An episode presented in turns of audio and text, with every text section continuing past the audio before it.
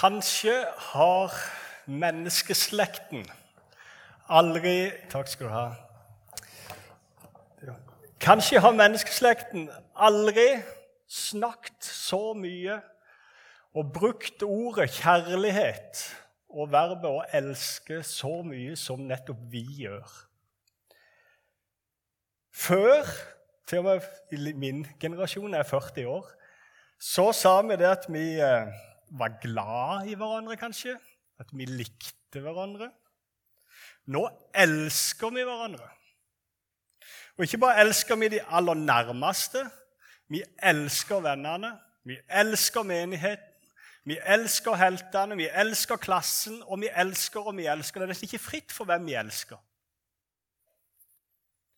Og Før sa noen av oss at kunne, ting kunne være greie og fine og artige, og at vi likte noe til forskjell fra andre ting. Nå så elsker vi det. Vi elsker naturen, havet, skogen og fjellet, sommeren og våren. Noen av oss elsker også høsten og vinteren.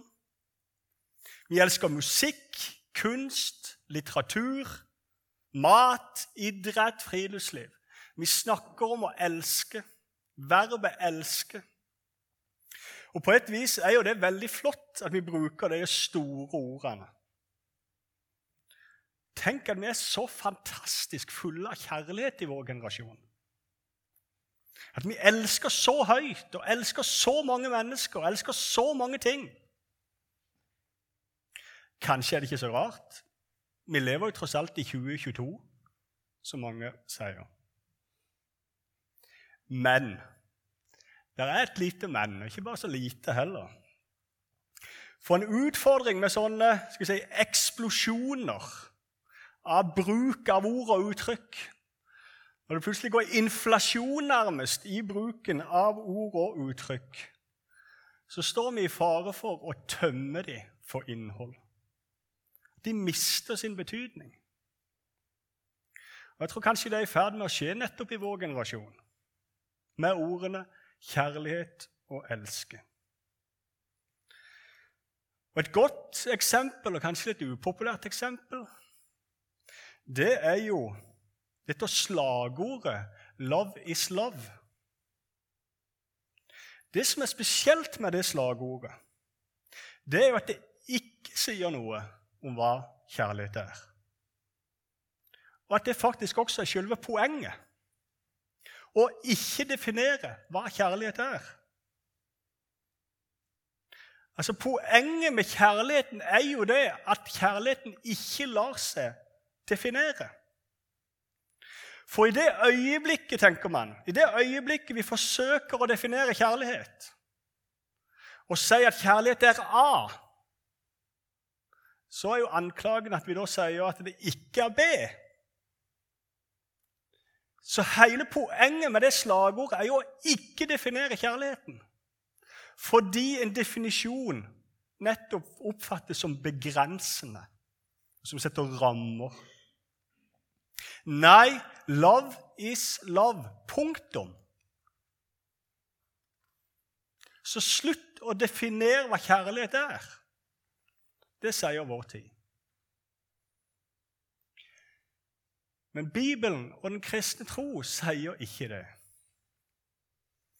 Den insisterer på at kjærligheten faktisk har et innhold. Og at det er viktig for oss å få tak i dette innholdet, om hva kjærligheten er. For i Bibelen og i den kristne tro så knyttes kjærligheten til Gud og til hvem Gud er. 1. Johannes 4 står dette kjente verset Gud er kjærlighet. Og da er det ikke vilkårlig hva kjærlighet er. Det holder liksom ikke å se at kjærlighet er kjærlighet.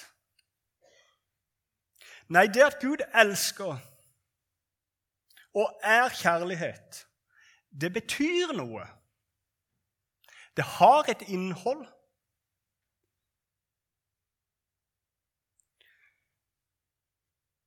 Og Når Bibelen taler om at Gud elsker, og om Guds kjærlighet, så gjør han det som veldig ofte med utgangspunkt i kjærlighet mellom mann og kvinne. Den kjærligheten settes i en særstilling i Bibelen fordi den inneholder tre komponenter og holder sammen tre komponenter som sammen forstås og speiler Guds kjærlighet.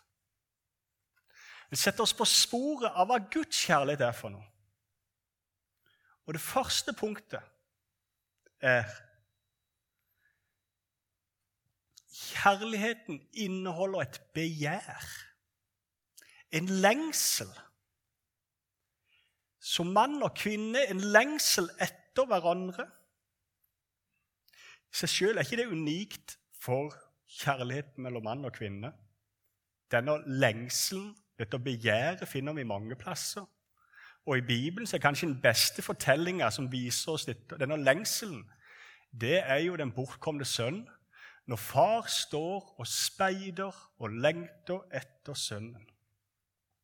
Kommer han ikke snart hjem igjen? Det er et helt grunnleggende element i kjærligheten. Lengter, speider, søker, begjærer.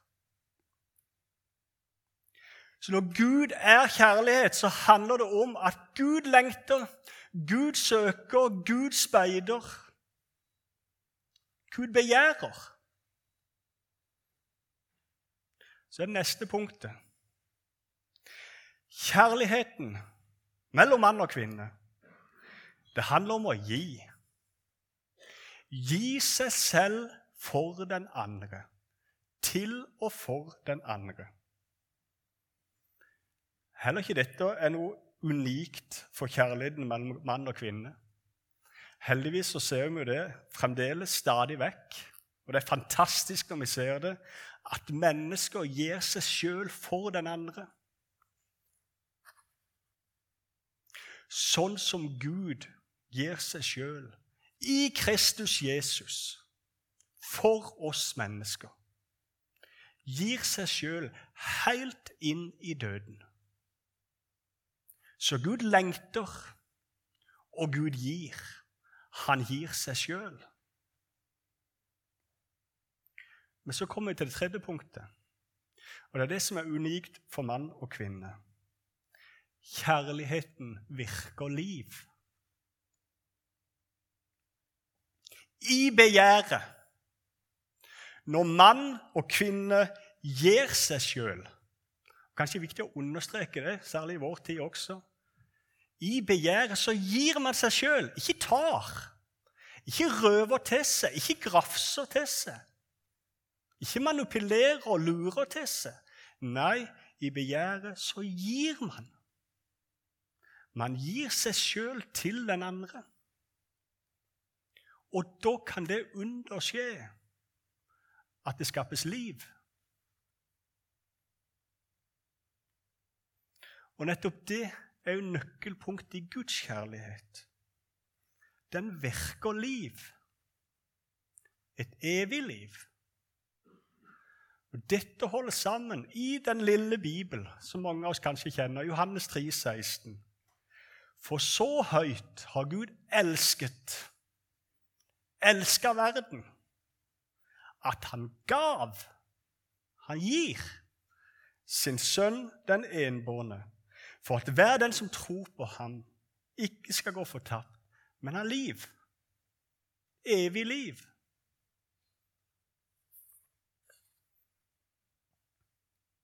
De tre komponentene det er det som definerer Guds kjærlighet.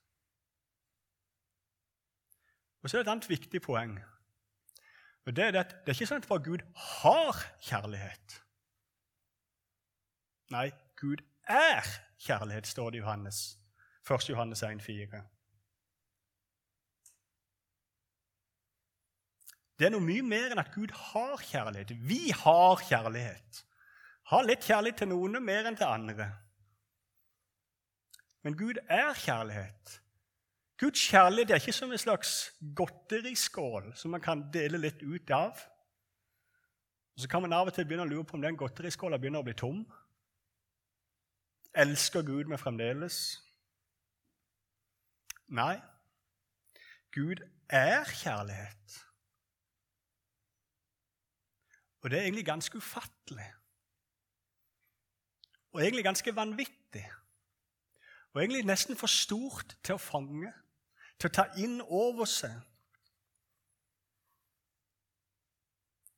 Men det er et viktig poeng i det. For vi tenker ofte om Guds kjærlighet ut ifra vår egen kjærlighet. Sånn vi forstår og kjenner kjærlighet, vi mennesker imellom. Min kjærlighet til kona mi Det er sånn klassisk for menneskelig kjærlighet. Den har først og fremst sin forankring i henne.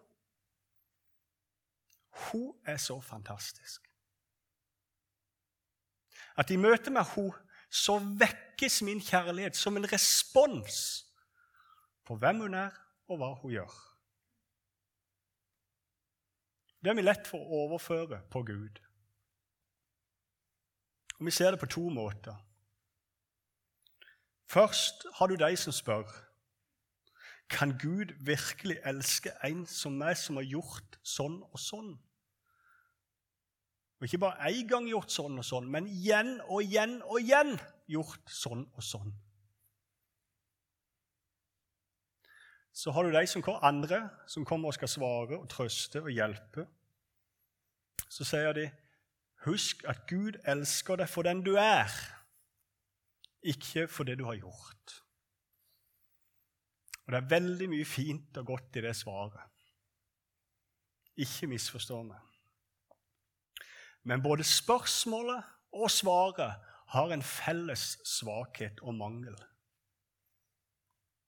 Man tenker altfor smått om Guds kjærlighet.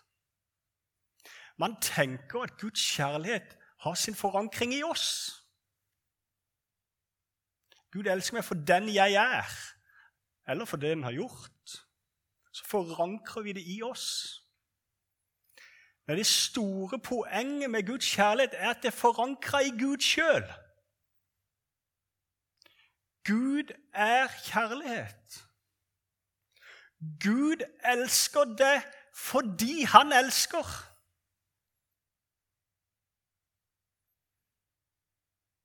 fordi han er kjærlighet. Det er sånn Gud er.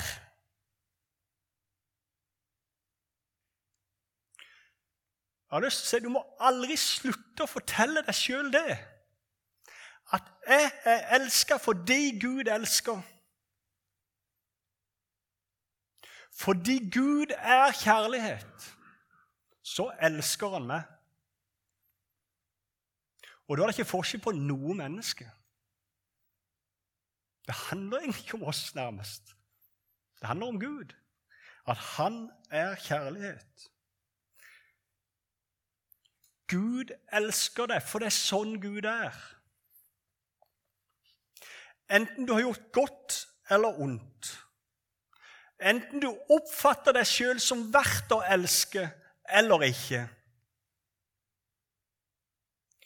Gud elsker, og Gud elsker deg fordi det er sånn Gud er.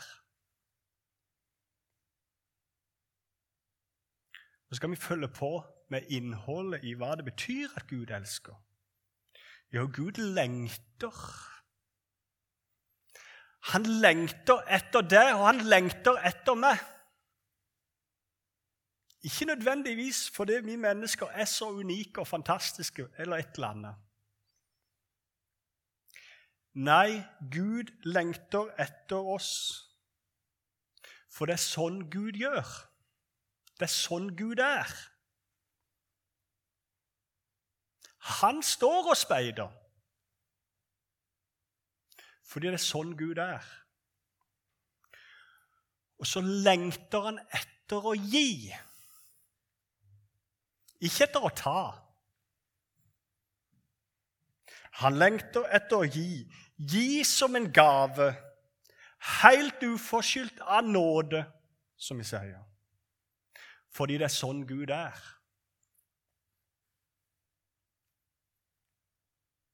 Så lengter Gud etter å gi liv. Inn i en dødens verden som vi lever i, der døden bare tar og tar og tar. Tar fra oss helse og krefter.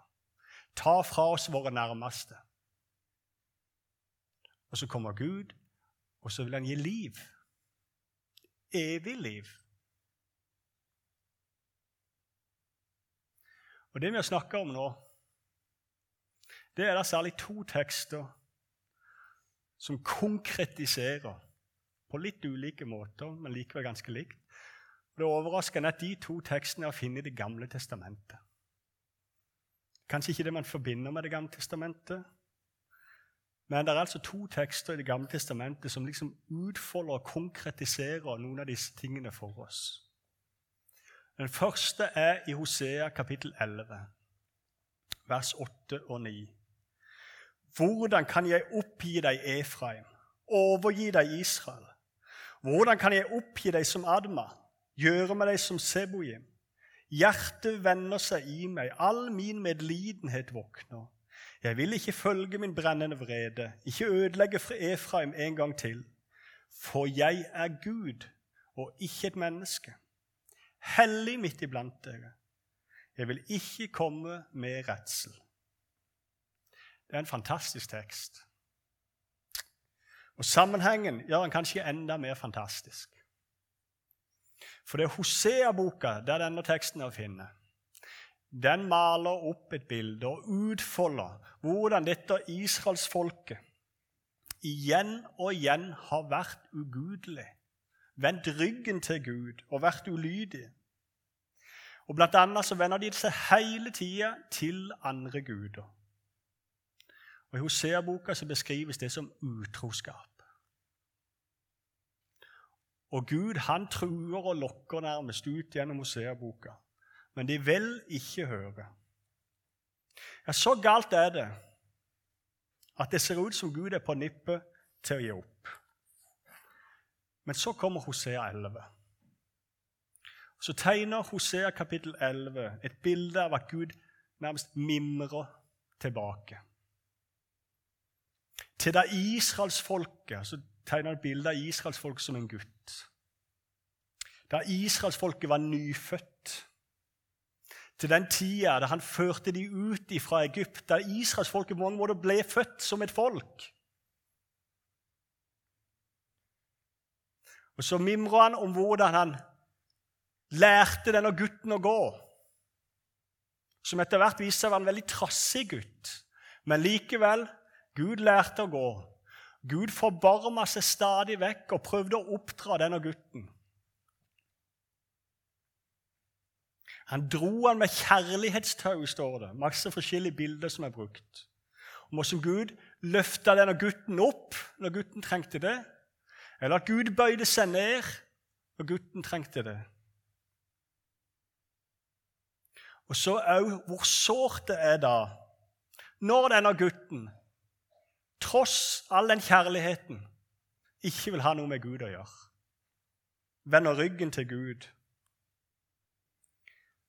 og Så er det som Gud holder på å gi opp, men så kommer disse versene her. Hvordan kan jeg gi deg opp? Jeg vil ikke følge min brennende vrede, ikke ødelegge, for jeg er Gud. Merk den begrunnelsen. Det er fordi Gud er Gud at han ikke gir opp, men tar seg av det folket enda i gang det er ikke et vilkårlig innfall fra Guds side.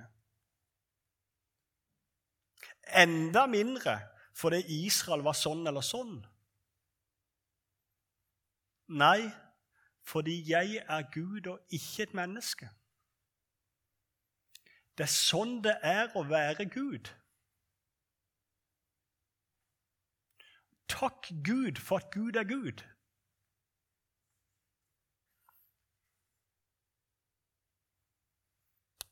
Den andre teksten er fra 2. Mosebok, kapittel 34.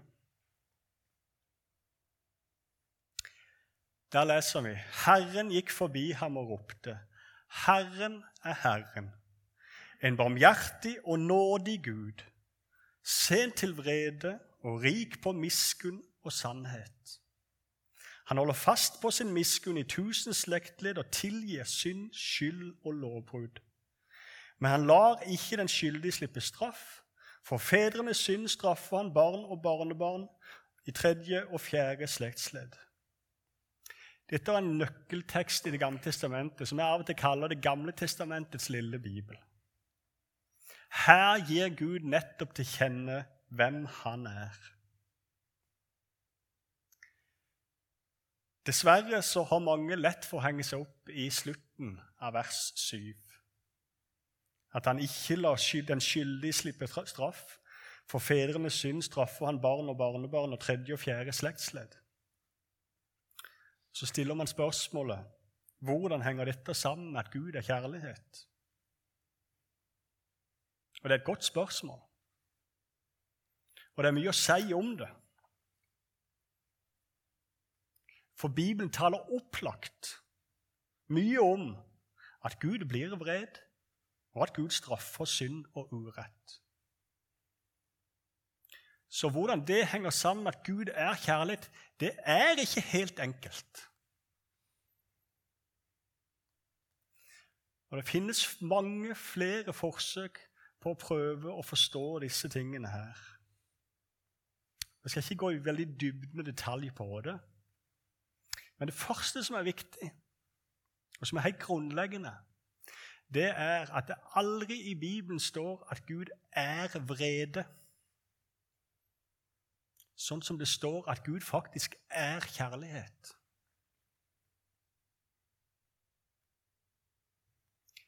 Derfor, ut ifra det, så er et klassisk svar at Guds frede, vrede først og fremst er å forstå som en funksjon av Guds rettferdighet.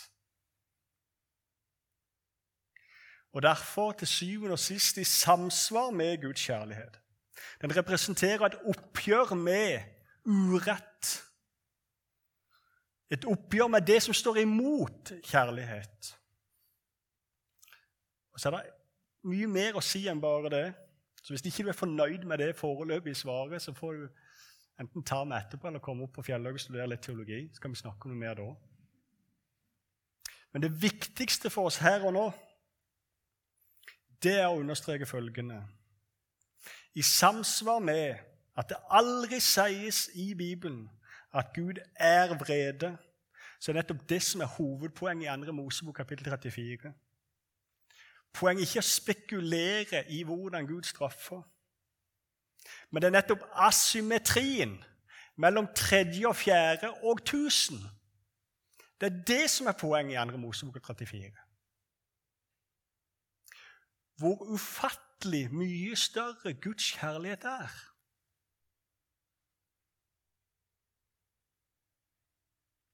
Og at Gud lengter etter å tilgi gi tilgivelse.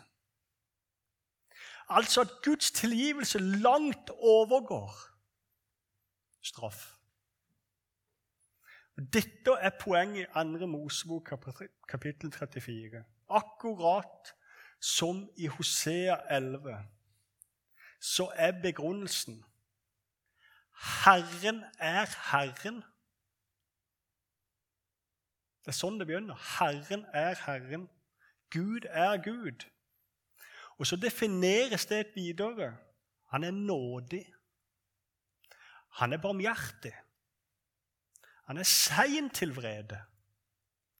Så er han rik på miskunn. Hva betyr miskunn? Det er et gammelt ord vi har falt vekk for oss.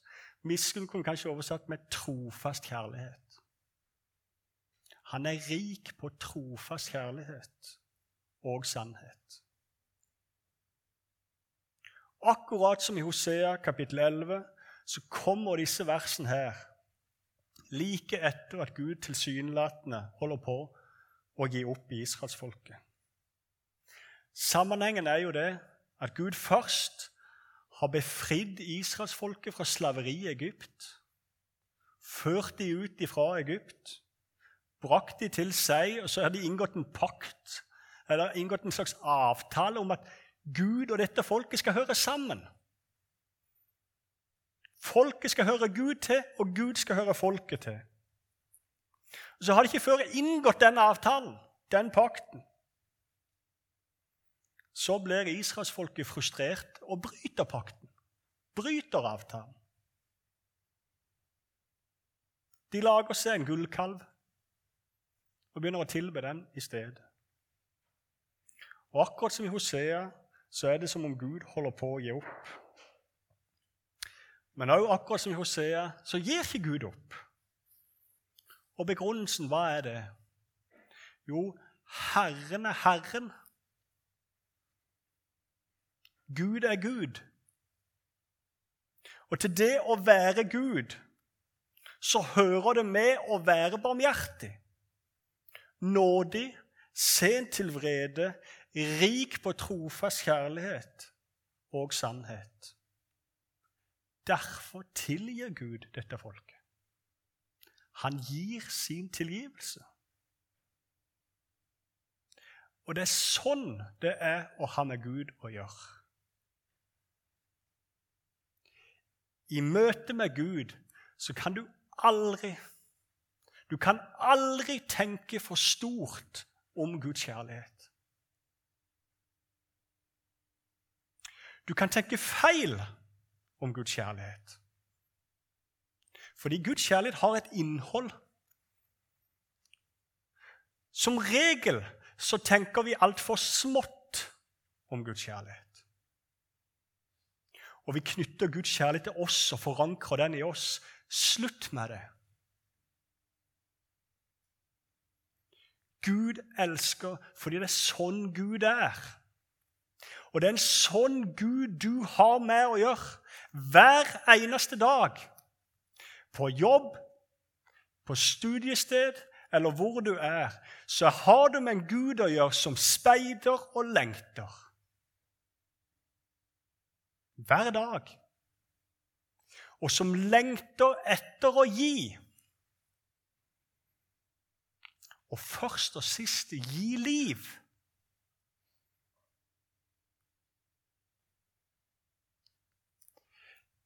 kan jeg love meg at jeg begynner å fortelle deg sjøl at dere er elska av Gud fordi Gud elsker. Ikke slutt med det. Og så begynner jeg å fortelle til andre, for det gjelder også alle andre rundt dere.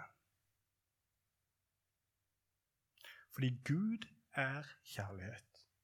Det er sånn Gud er. Amen.